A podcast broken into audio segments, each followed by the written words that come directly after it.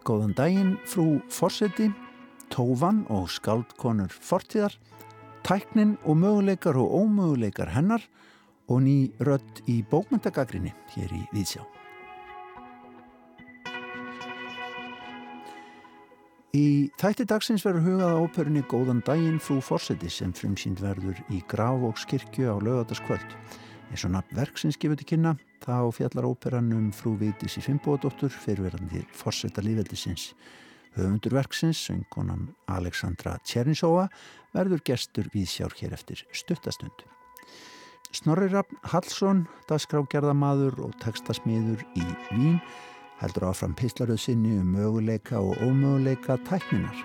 Í þetta skipti skoðar Snorri Rapp sjálfverk ráðningarferli og hvernig tækni sem að átti að auðvelda fyrirtækjum að fá til sín hæft starfsfólk flækist nú fyrir okkur.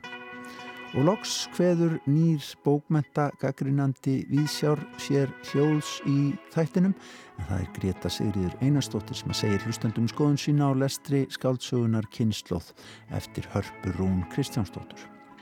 Og við sjá klukkar líka í ljóðabækur skaldkvennana Undínu og Maríu Bjarnadóttur í tófu inslægi dagsins þegar Þorgerður Ása Aðarsteinsdóttir bregður sér aftur í heimsók til Magniðu Þurriðar Yngvarsdóttur sem heldur út í Facebook síðunni Tófunni, ljóða og fræðasetri þar sem ljóð skaldkvenna eru dregin fram í dagsljósið. Þorgerður Ása fór í heimsók til Magniðu í síðustu viku en við heyrum áfram að fundum þeirra í þætti dagsins. En fyrst ný íslensk ópera frumsýnd í Grafókskirkju á lögataskvöld um sjálfa Vigdísi Fimboðdóttur.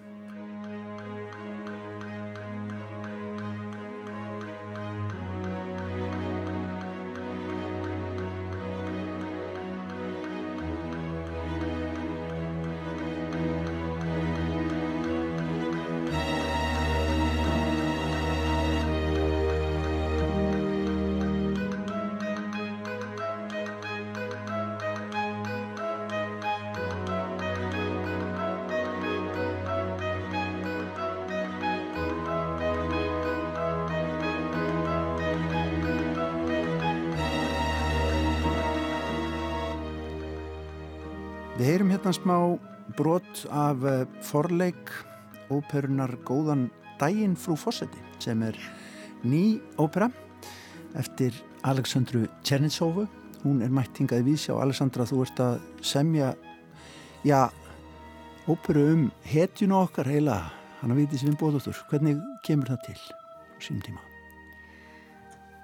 Hún, eh, frú Víktis Fimbogadóttir, Ég upplifa það þannig líka að hún er fyrir minn svo marga kvenna og um, uh, hugmyndina óperunni um hetju okkar, ég tel hana líka minna, mm -hmm. um, kemur svona já, fyrir sjö árum þá kom þessi hugmynd til mín og um, Um, þegar ég er búin að frumsýna sem sagt fyrsta óperuna mína Skalduðu biskupsdóttirinn í, í sem sagt uh, Söðurbækirkju í, í kvalferði þá þetta var rosalega success og, og var mjög gaman að upplifa mm -hmm. og svo fekk ég einhverja vangir til, til að halda áfram og svo fór ég sem sagt að, að á fljóð, sko, mér langar þú veist að, að semja óperu ennmyndum viktísi mm. að því sem sko þegar ég flutti til Íslands 2003 áður ég vissi ekki að kona var fórstöti ég þarf að viðurkenna það. Já. það var í engum fréttum eða ég náttúrulega fætt 1979 Já hún frú Vigdís Fimboðadóttir, hún er fórsöti 1980 ja, þú veist, svo ég var náttúrulega litil barn en samt, mér fannst eins og ég var svolítið vel í líka svona um, kvenniréttindir sögu mm -hmm. þannast, það sem ég er frá var fætt í kænugarði og var búið bæði í Ruslandi og þá Sovjetriki og, og ég myndi nú hlítra að vera myndi heyra um, um þessu merkilega konu og söguna hennar. Mm -hmm. en það kom ekki fyrir en ég flutti til Íslands.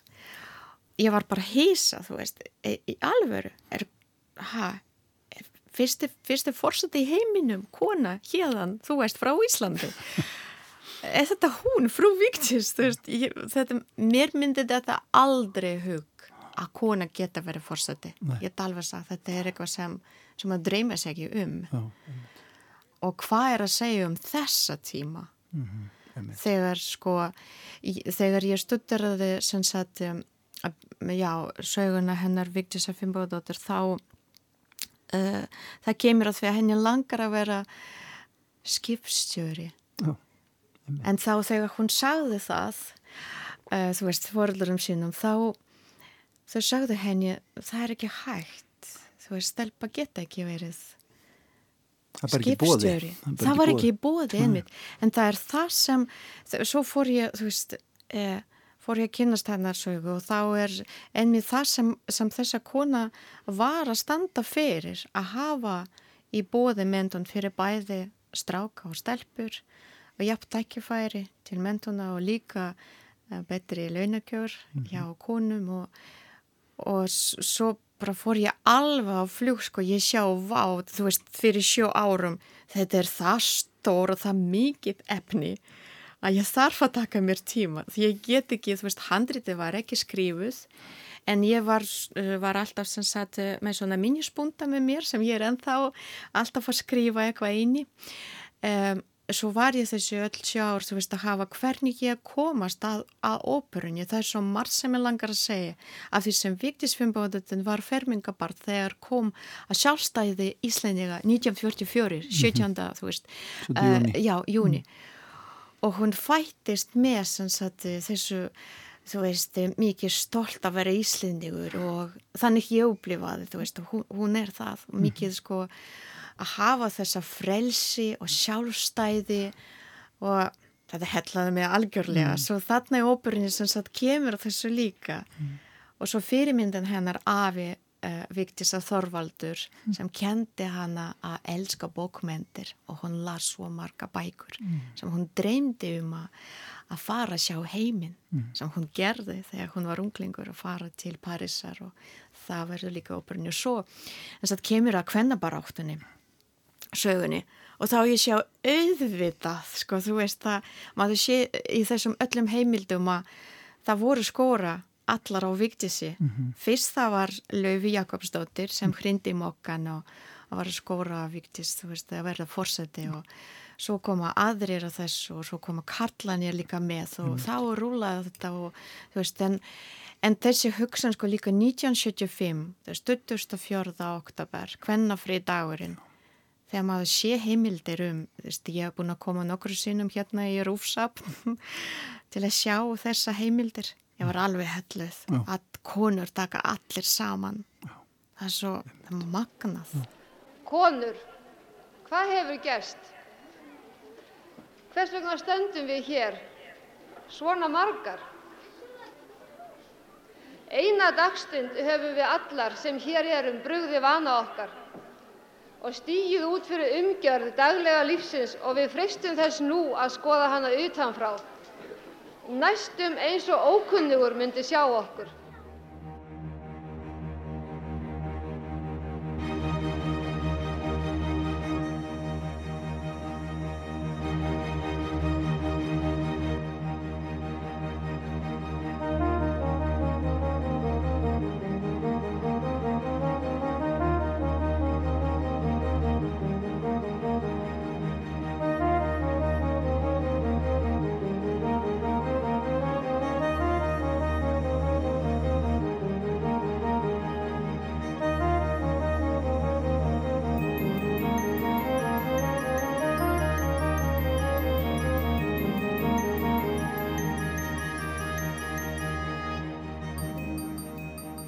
Hvernig, hvernig ég heyraðu úr trefina þessu en, en hvernig, Já, í hvernig tónlistarbúning býrðu þessa sögu? Er þetta, hvernig músik er þetta? Er, er, er þetta hérna romantísk tónfrátsögn eða hvernig er svona hljóð heimurinn sem að þú vilt að komi í gegn? Já, mjög, sko, mín sem sagt ástriða og hljóð heimurinn sem þú nefnaði svo fallega mm.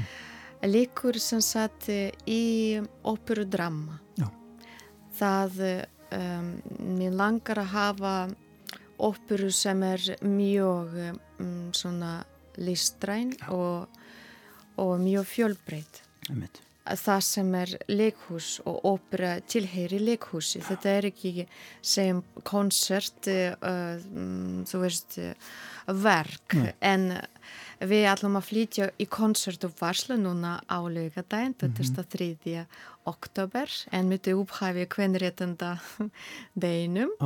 Svolítið líka svolítið takna en um, Það er sagt, ég hef hert sko fólki að voru að segja Alessandra þetta búin að semja Wagner-óperu af því sem það kemur, mér finnst svolítið gott í óperunum báðum sem ég samti áður um, þá fekk ég eitt gangrínandi sem í Rúslandi þegar ég var í útverfum þá voru að tala um það að ég er tónskál sem finnst gaman þegar allt er að hljóma, þú veist, kórar, mm -hmm.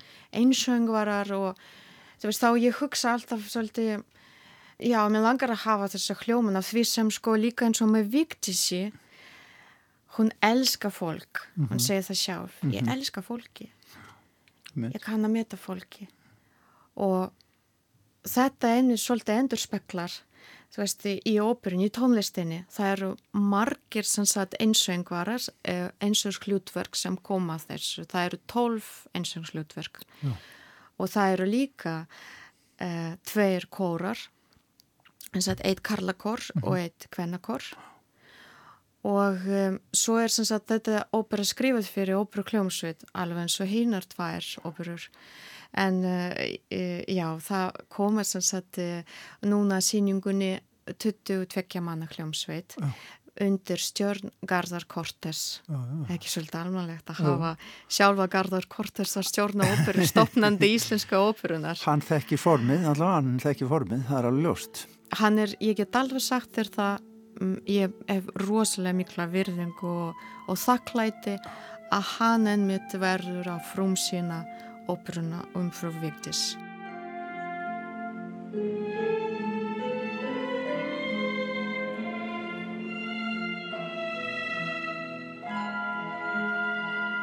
En sko það að semja uh, óperu um þetta sumundu segja að viti sér alltaf nálat okkur alltaf, þú veist, hún er með okkur en þá þetta er of, þetta er of ung saga til þess að búa til óperu úr hvað segir með því um það?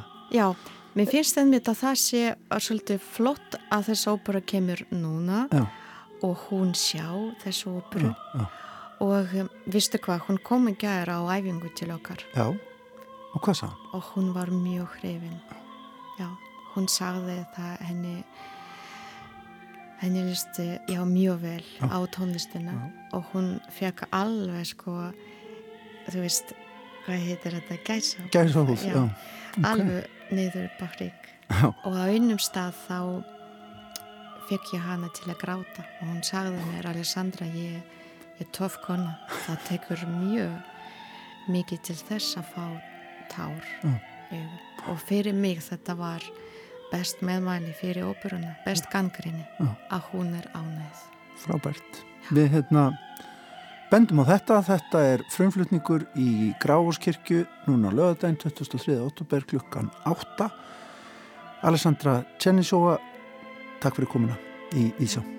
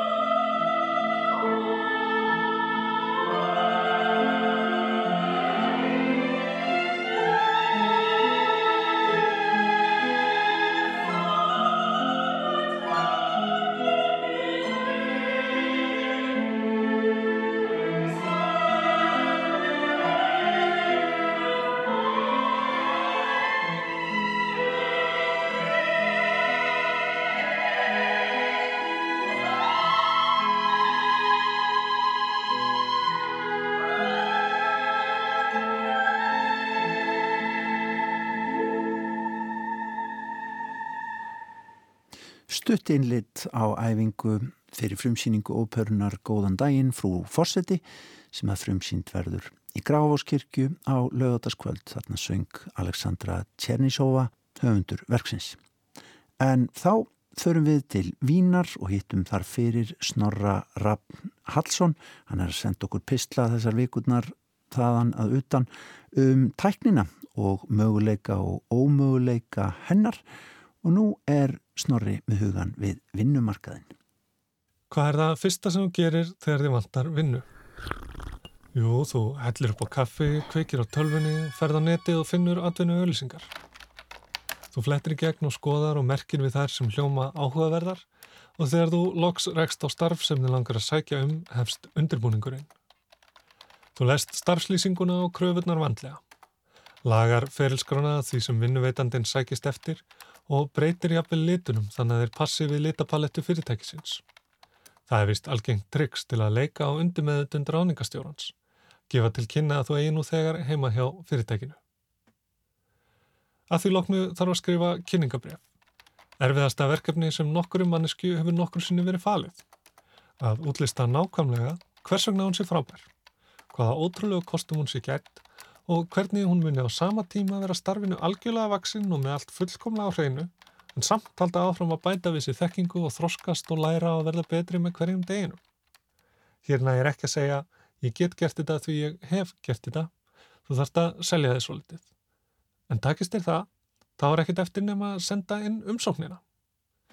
Þú ferð á ráðningavefin, smellir á sækja um. Á mótið þér tekur rugglingslegt viðmót sem krefst þess að þú gerir þetta allt saman aftur. Sláinn hvert einasta starf sem þú hefur unnið, vinnuveitanda, starfsheiti, tíma, stutta lýsingu, skrá mentun, námskeið, önnur verkefni og jáfnvel svara ótal spurningum um hvers vegna þú vilt vinna í þessu tiltekna fyrirtæki eða stopnun og af hverju þau ætti að ráða þig frekar en einhvern annan. Þú ferði að velta því fyrir þér hver sé eiginlega tilgangurinn með þessu. Er ég ekki nýbúin að setja saman fallega ferilskrá og skrifa kynningabrefið þar sem þetta stendur allt saman? Og nú þarf ég að gera allt tvísvar. Ég held að þetta útrýma svona óþarfa umstangi, hvernig stendur eiginlega á þessu? átti tæknin ekki að auðvelda okkur hlutina? Jú, og þetta er auðveldara fyrir vinnuveitindur.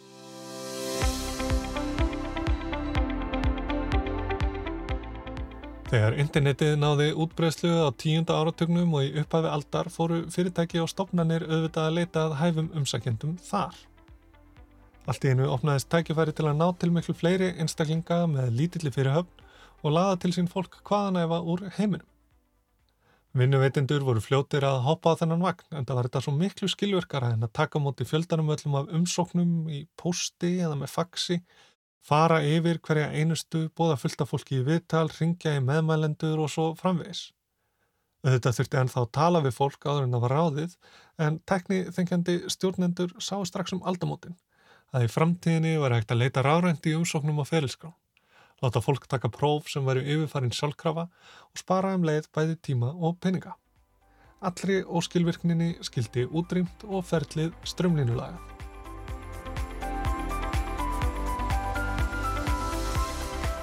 Og fólk í aðunuleit nöðt líka góðsaf þessu. Í staðinn fyrir að þurfa að fletta blöðum, ringja simtöl, gera sér ferð út um allan bæ með bunga ferilskrám og fara þúsundsinum á pósthúsið var hægt að sækja um hvaða vinnu sem er heimann frá sér dundra át 30 umsóknum á þreymur klukkutímu. Svo miklu þægilegra og auðveldara en áður. Einlega of auðveld. Lausnin á einu vandamáli skapaði annað. Umsóknirnar urðu í raun of margar, svo margar að manniðsdeildirnar höfði ekki undan auknu álæginu. Óskilvirknin var farin að láta kræla á sér aftur en það var sem betur fer ekkert að ótast. Ef eitthvað er vandamál, þá er til tæknilausnaði. Á árunum 2010 til 2020 tvöfaldæðist fjöldi umsóknaðum hverja lausa stöðu í bandaríkjunum, fór úr 120 í 250. Í millitíðinni hafði sjálfverknin þó tekið yfir nánast hvert einasta skref ráðningaferðlisins, allt frá því að meta umsóknir til þess að bóka viðtöl og gera bakgrunnskannanir. 250 sækja um, 100 komast í gegnum fyrstu síuna og 10 í gegnum þá næstu og svo mæta fjórir til sexi viðtal. Með háþróaða gerfigreind og sérhannaða algoritma sem skanna umsóknir og ferilskrár eftir stikkorðum er ferlið fljótleira, nákvæmara og betra en nokkur sinni fyrr. Og þó, því eins og svo oft áður þá skapar lausnin á einu vandamáli gerðnan bara annað vandamál. Upp er komin svo furðulega staða hér á Vesturlöndum að á sama tíma og miljónir manna eru án atvinnu, gengur mörgum fyrirtækjum illa að ráða í opnar stöður, fá til sín fólk með réttu reynsluna. Það er ekki vegna þess að enginn vill sinna þessum störfum. Það er ekki vegna þess að það sækir enginn um. Það er ekki vegna þess að það er ekki til fólk sem er hæft til að sinna þessum störfum. Heldur er það vegna þess að kröfunar sem fyrirtækinn gera og harðkóða inn í sjálfvirkur aðningakerfi sín gera það verkum að stór hópur fólks kemst aldrei í gegnum síuna. Ráðningastjórnarnir og manniðs sérfræðingarnir sjá aldrei umsóknirna þeirra. Viti ekki af þeim nema sem tölum á bladi. Á dögunum kom út skýrsla frá viðskipta háskóla Harvard sem fjallar um þetta huldu starfsfólk. Fólk sem er annarkvort atvinnulegst eða í hlutastarfi en vill og getur unnið fullt starf en af einhverjum sökum fær ekki tækifæri til þess. Huldustarfsfólk er allskonar, mentað og mentað, ungt, gamalt, hraust, veikt, aðkomi fólk fyrir um hermenn, nýbakaðir, foreldrar og svo mætti lengi telja. Það eina sem samin er það er að sjálfverk ráðningaferðli sjáðu ekki. Kakvart vinnuveitundum nútímans er þetta fólk ósýnlegt.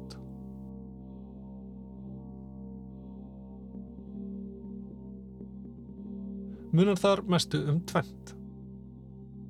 Byrjum á því fyrra. Tölfur skilja ekki fólk. Það er líða bara skipunum og einhver tíman ákvað einhver að skilvirk leið fyrir tölfur til að greina góða umsækjendur frá slæmum væri að láta forritið leita að gödum í ferilskráni. Hugsunin hefur vantalega verið svo að það geti mögulega eitthvað verið að ef viðkomandi var ekki á atvinnumarkaði í lengri tíma. Gatið í ferilskráni er þá kóðað sem vísir að einhverju slæmu og nú er flestum þeim sem hafa verið frá vinnu í meir en 6 mánuði samfelt einfallega hafnað. Og það af forriti sem veldur því ekki einu sinni fyrir sér hvort góð ástæða geti leið að baki. Því forritið getur það ekki. Gildir þá einu hvort fjárveran var vegna barnegna eða veikinda, vegna þess að viðkomandi fluttist með makasínum eða er að leita nýjum tækifærum á nýjum stað. Jafnvel bara af því það getur verið erfitt að finna vinnu í efnaðskreppu. En það skiptir engum máli. Þetta er orðið að reiknireglu. Umsóknin endar í ruslinu og engin lesana.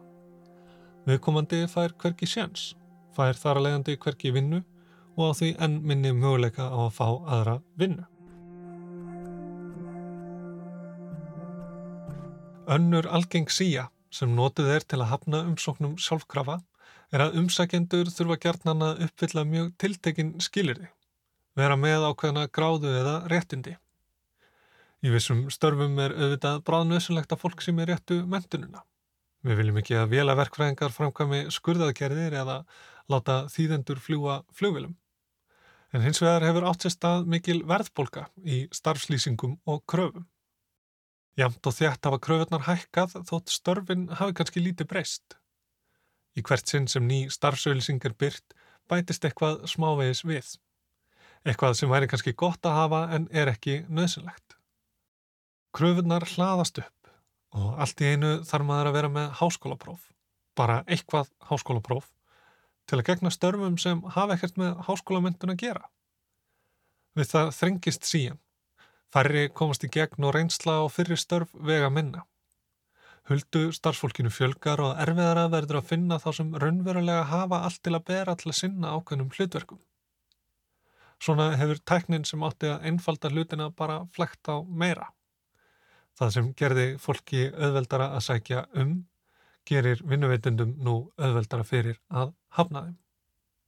Niðurstaða skýslunar frá viðskipta háskóla Harvard er svo að það þurfa að taka til í þessum málum. Vinnuveitendur þurfa að leggjast í gaggina endurskoðuna á ráðningaferlum og kerfum. Starfslýsingar og kröfur með ekki bara bólgna út, heldur þarf að veita þeim aðtikli. Velta þeim svolítið fyrir sér áður en auðlýsingar eru byrtar og reyna að skilja hvað raunverulega skiptir máli. Út frá því má svo draga á nótkun á neikvæðum síum sem eiga hafna þeim sem einhverjir vísar benda til að sé ekki nógu góðir. Þessi stað má stilla fóritin þannig að þau leggja áherslu á reynslu, aðra hæfileika en bara háskólagráður og óslitinn starfsferil. Við þurfum að hafa fyrir því að setja fólk í forgrunn, ekki reiknireglur og við getum það. Í dag er fólkið á endanum. Tekur við því sem tölvurnar skila á meðan það ætti að vera öfugt. Við höfum skipt höndum út fyrir gýra, augum út fyrir algoritma, domgreind út fyrir reiknivelar og skilningi út fyrir tölfræðilegar alhæfingar. Útkoman er svo að ferlinn eru ósvejanleg, stíf og uppfull af innbyggðum og óígrunduðum fordómum. Allt í nafni skilvirkni og afkasta. En afkast og skilvirkni eru ekki allt. Fólk er óskilvirt, en þegar það er upp á sitt besta er það líka skilningsríkt. Fólk er hægfara, en það tekur líka með af aðstæðum og samhengi. Fólk er órökrétt og getur gert mistök, en það getur líka komið auga á eitthvað nýtt, fundið fyrir jákvæðum ströymum og skinnjað heið óáþreifanlega. Þetta er það sem við megum ekki missa þegar við reynum að nýta teknina í okkar þáu. Það þjónar engum. Korki fyrirtækinum sem fá ekki til sín hæft fólk nýja hæfa fólkinu sem fær ekki vinnu.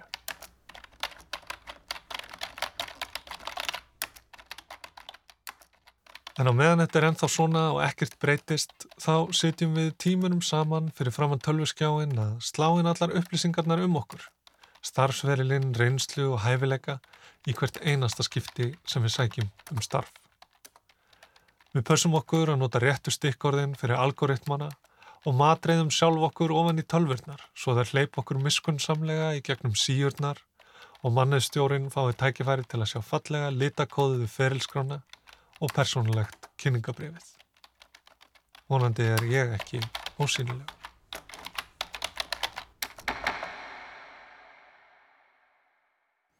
Snorri Raffn Hallsson statur í Vínaborg að velta fyrir sér vinnumarkaðnum, tækninni og möguleikum og ómöguleikum hennar.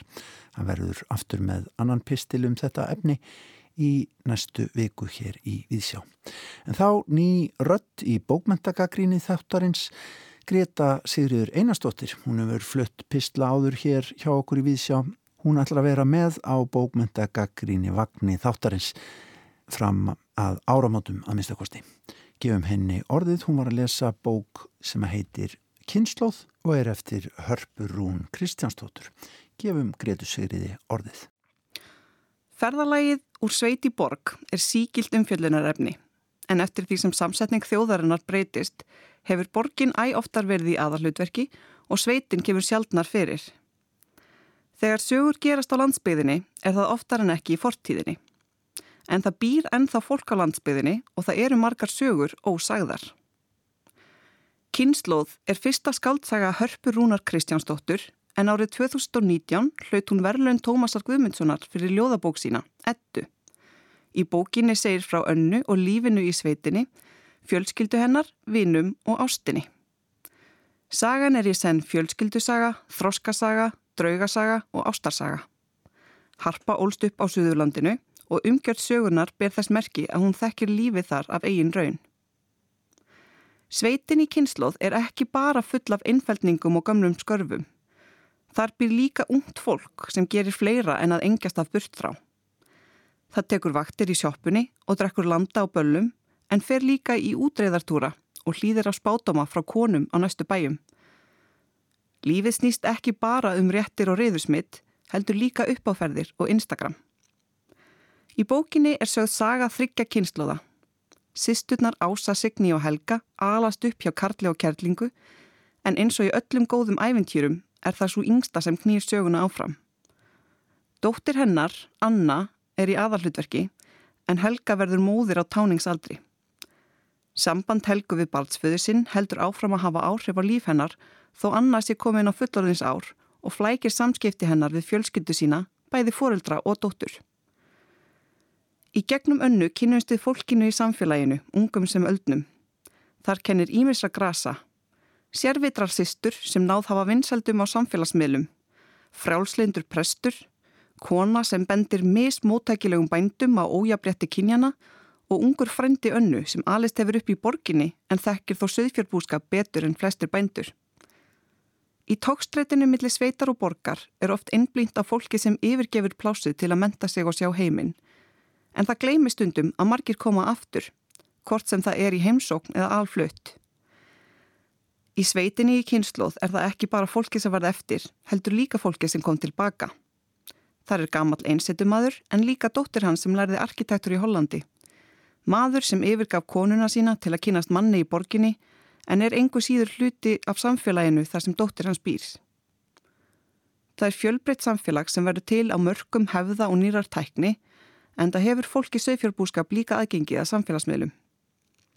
Söguþráðurinn í bókinni tegir sig í margar áttir. Anna á fullkomlega fullkomin kærasta en hann er ekki vissum að hann vilji búa í sveitinni að eilifu. Hún verður hrifin af dular fulla nýja samstagsmanninum í sjóppunni og á í sífældu bastli með mömmu sína og mennina í lífi hennar, sér í lægi föður sinn. Við þetta bætist vinskaburinn við anítu og bastlið í söðfjörbúskap af hennar og ömmu. Svo eru það þjóðsagnaverur, skiknir nágrannar og álfkonur með lífshættulega gæludýr. Sveitalífið fær einnig sinn sess til að mynda fer heil kapli í raukræður millir fjölskyldumæðlima um umhverfisvernd og söðfjörbúskap. Það skortir ekki hugmyndir og uppákomur en það er oftast ekki nógu mikið andrými á milli þeirra til að atbyrðir fái færi á að lenda og byggja upp spennu og áhuga. Of margir lausir þræðir valda því að sagan fer hægt af stað. Ástasagan nær ekki flugi, ráðgáttan heldur manni ekki við efnið og tókstreitan millir lífsins í sveitinni og náms í borginni nær ekki að grýpa lesandan. Þróunin í sögu helgu, móður önnu, er einna best útferð og vakti mestan áhuga meðan aðrir þræðir hljóta óljósar töfralausnir eða dagarhenlega uppi. Þegar líðatekur á bókina taka yfirskilvillegir atbyrðir æg meira pláss en úrvinnslan tóna skringilega við aðra kapla bókarinnar. Annað sem flækist fyrir sögunni er tekstin sjálfur. Stílin er styrður, uppfullur af frösum, yfirdrifinni kankvísi og óþjálu orðskrúði svo jæðrar við tilgerð. Dramatíkin í tilfinningum stingur oft í stúfið aðstæður svo mjög að á köplum fór ég að hafa áhyggjur af heilsufari personana. Þegar Anna kynist nýjum starfsmanni í sjóppunni upplifir hún rafstuð og segulmagn, kaldan svita og hjartslátt á yfirsnúringi. Svo eru samtölinn stundum styrð og innihaldar svo mikið magn af upplýsingum að þau virka ónáttúruleg. Kynferðislegt aðdáttarafl er ofta sem knýr atbyrði í bókinni og maðgurnar sem sagan snýst um fá reglulega stingi í hjörtun og snýpin. Í bókinni er mikið um frjálslegar ástir millir tveggja eða fleiri einstaklinga af öllum kynjum, makaskipti, framhjáhald, nauganir og þar fram eftir gödunum. Það er ástæðulegst að vera með tefriskap, fólk á landsbyðinni sefur líka hjá og í sumum þráðum sögunar er kynlifið stór partur á atbyrðum en annars þar mætti að ósekju skera niður til að gefa öðrum atveikum meira vægi. Kynnslóð er fyrsta bókhöfundar og ber þess merki. Það er mikið í gangi og margar skemmtilegar hugmyndir en fyrir vikið ná þær ekki allar flugi. Styrt málfar og rikkjóttur framgangur atburða flækast fyrir sögunni sem er miður því það er ánægulegt að lesa um samtíman í sveitinni. Saði Greta Sigriður Einarstóttir um skáldsöguna Kynnslóð eftir hörpu Rún Kristjánsdóttur.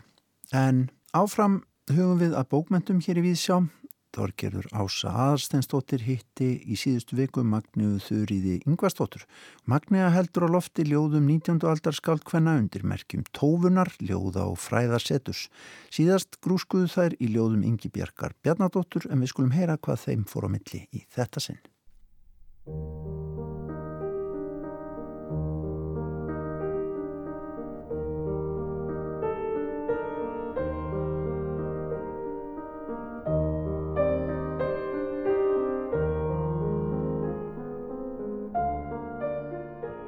Ég brá mér aftur í heimsókn til Magnu Þurriðar Yngvarstóttur sem heldur út í Facebook síðunni Tófan, ljóða og fræðasetur.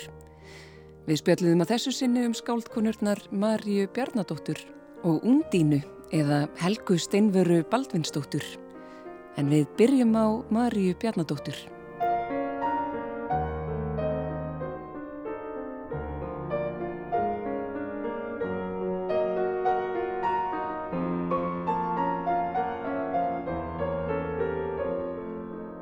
Hún er sem sagt lifið til 1970 þannig hún er bara frekar uh, svona fullorinn þegar hún er að gefa út verkin sín. Mm -hmm. og bókin heitir Haustlitir en fyrsta ljóðið í bókinni mér fannst það svo fallegt. Og mér fannst það einmitt hérna passa svo vel við það sem ég var að svona skoða.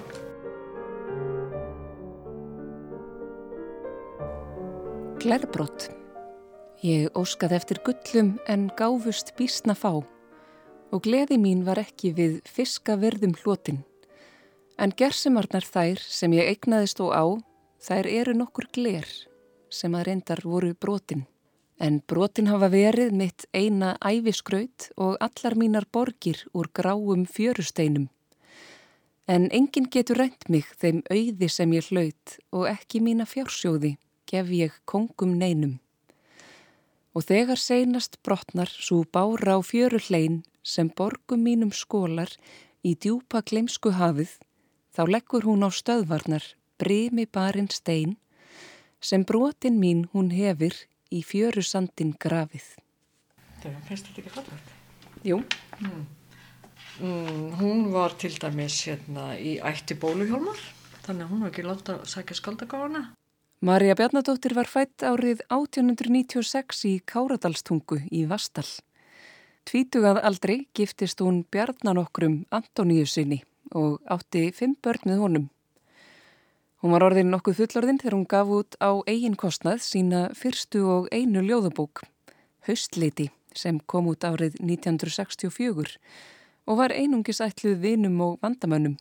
Marja sendi sem sagt bókina ekki í bókabúðir og því byrtist engin reytómur um hana. En það var þannig að hérna, þegar Finnur Seymusson var að viðsinnast í æfi ákryppi bólihjálmas. Þá kynist hann roskinni konu á bæni sem hann hafi komið til, Marju Bjarnadóttir.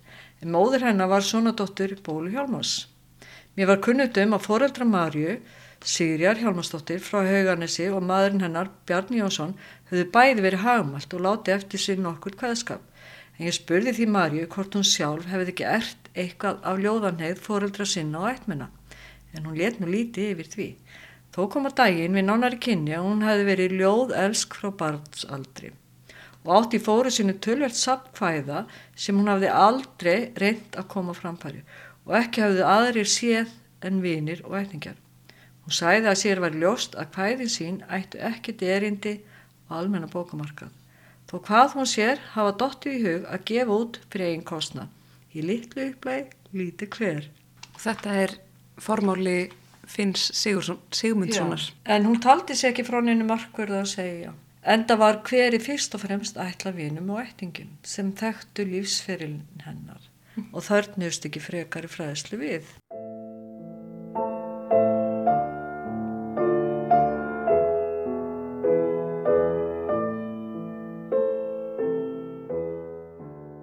Eins og framkemur í formála Finns Sigmundssonar að ljóðabók Marju hefur hún verið mjög ljóðelsk kona og ég ætla að lefa mér að fullir það að hún hafi verið í hópi þeirra kvenna sem kunnu heilu bókahillutnar utanað.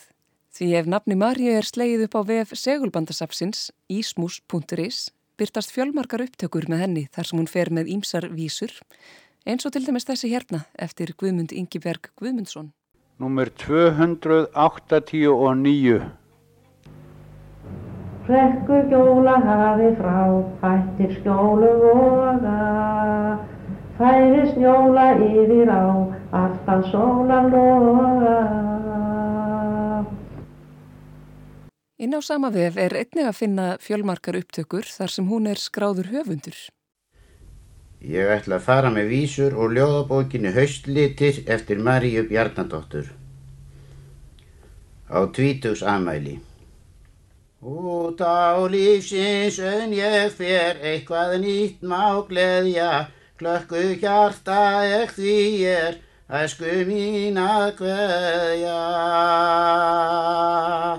Hennar brós og hreinu tár og hugsun bensku tíða. Hér erist í flosa Bjarnasinni, en hljóðuritun þessi fór fram á ríkisútvarpinu árið 1967. En við magniða undum okkar kvæði í kross og glukkuðum aðeins í ljóðabók vesturfarans Undínu. en það var dullnefni Helgu Steinvarar Baldvinsdóttur sem fætt var árið 1858 og var frá litlu áskeirs á í Víðidal.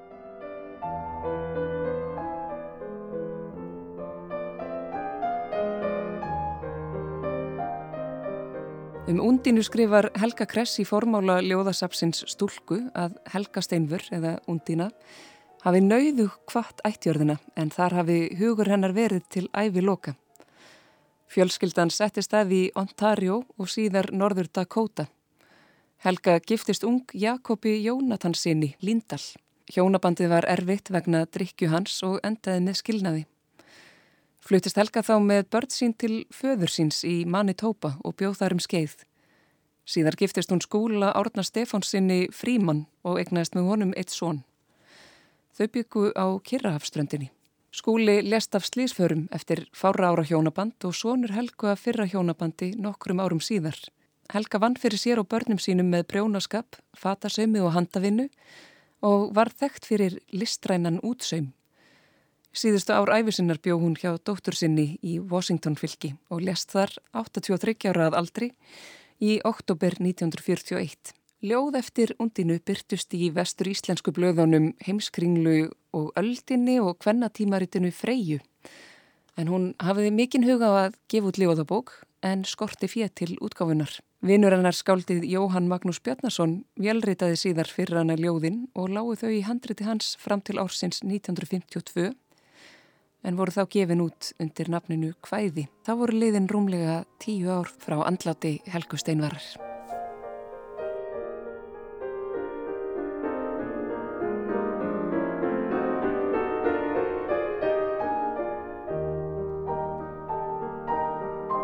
Hún var líka svona alveg ótrúlega gott skáld sko.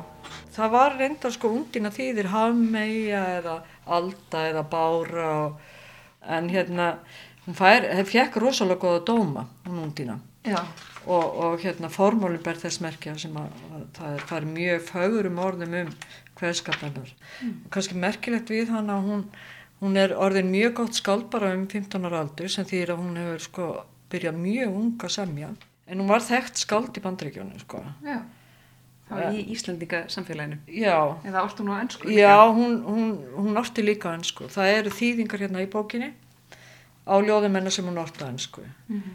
og þá er hérna eitt ljóð sem ég langar til þess að þú kannski lesir.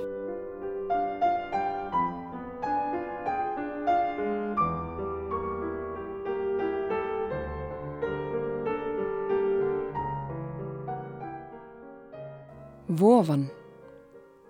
Hlusta þú á orð mín, voða vera, þú vofa stíin upp frá draugaheim Þú sem að reynir öllum illt að gera og eitra lífið fyrir snót og beim. Þú reynir enn að byrja sólu bjarta og blæða láta mínu þreytta hjarta. Þú hefur eld mig lengjum liðina æfi í lífsmín spikar eitur drópum stráð og voða bárum lift á lífsmíns sæfi sem litla bátnum mínum hafa náð. Og fram og aftur rakið yfir hafið með heljar tökum reynd að færa í kafið. Á milli mín og allra sem ég unni þú íttir jafnan þinni ljótu mynd og eitrið sem gekk út af þínum munni það augu sumra gjörði verð en blind. Þar sigur þú úr bítum hefur borið en bölið það mig sárast hefur skorið. En eitt sinn þrítur vald þitt, vofu tetur, þú versta líi er hefur ofsókt mig og bráðum ás á máttur lantum betur sem mig vil styrkja en niður brjóta þig og bráðum flýrðu burt af mínum vegi þá byrtir fyrir sól og nýjum degi. Og ljóð mín skulu skelfa þig og æra uns skuggan sjálfan hræðast tekur þú og niður, lengra niður skal þig færa uns nýt ég þess sem rænt mig hefur nú. Þú voðalí ég er menn svo margir tigna, það mál er þínu veldi takjað nigna. Þetta er skrifað 1892. Já.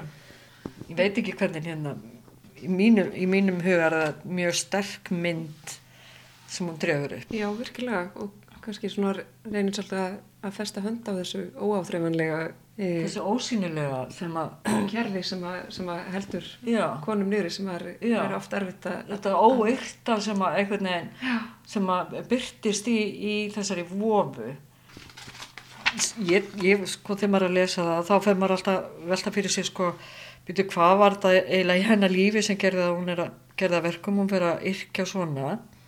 Mm. ég tólka þetta sem kvennréttindaljóð þar sem hún er að, að hérna, eiginlega segja frá því að, að, að hérna, þessar hindranir sem að hafa aftræðinni á skaldabrautinu hún hættir hún hættir yrkja hérna, um aldamáti 1900 eða fyrir aldamáti 1900 og þar með skildi ég við Magneu í þessum vofeflegu hugleðingum en tónar leiló við hvæði undínu um sorgina fylgja okkur út.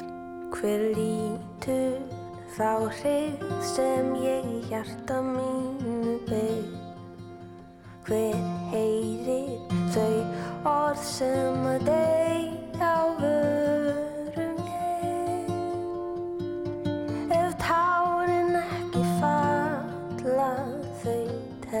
telja engin má þó týtri þau og logi halmþrunginni brá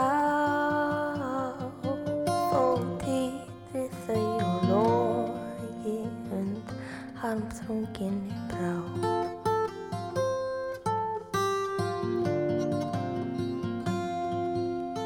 Ég elska glaðum anda og ég elska kátalum og ánægð hef ég lifað svo marga glaða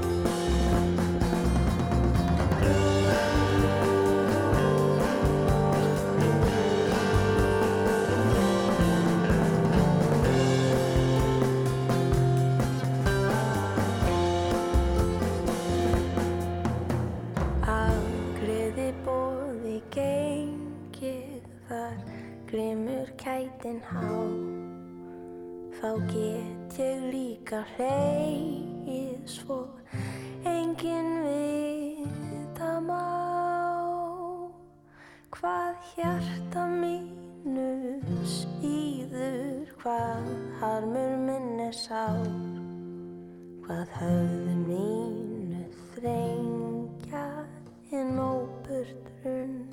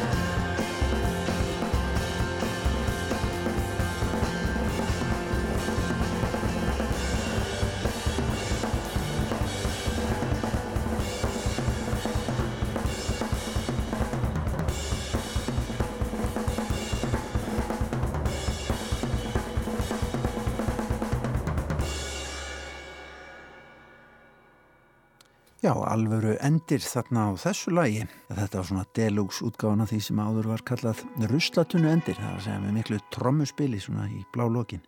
Þetta var lag Leiló og flutningur hennar á einn lagi. Lagið heitir Sorgin en textin í þessu lagi er eftir Helgu Steinvöru Baldurstóttur sem var jú þekkt sem Undína og það var þorgerur Ása Aðarsteinsdóttir sem að þarna rætti við magniðu þurriði Yngvarsdóttur sem heldur út í Facebook síðunni Tóunni, ljóða og fræðarsetri og lífgar við og heldur við ljóðum skalkvenna fortíðar og dregur þau fram í dagsljósið. En svona ágættu hlustendur ætlum að ljúka við sjá í dag. Við verðum hér aftur á morgun og okkar vanalega tíma klukkan 16.05. Takk fyrir samfélgina í dag. Verðið sæl.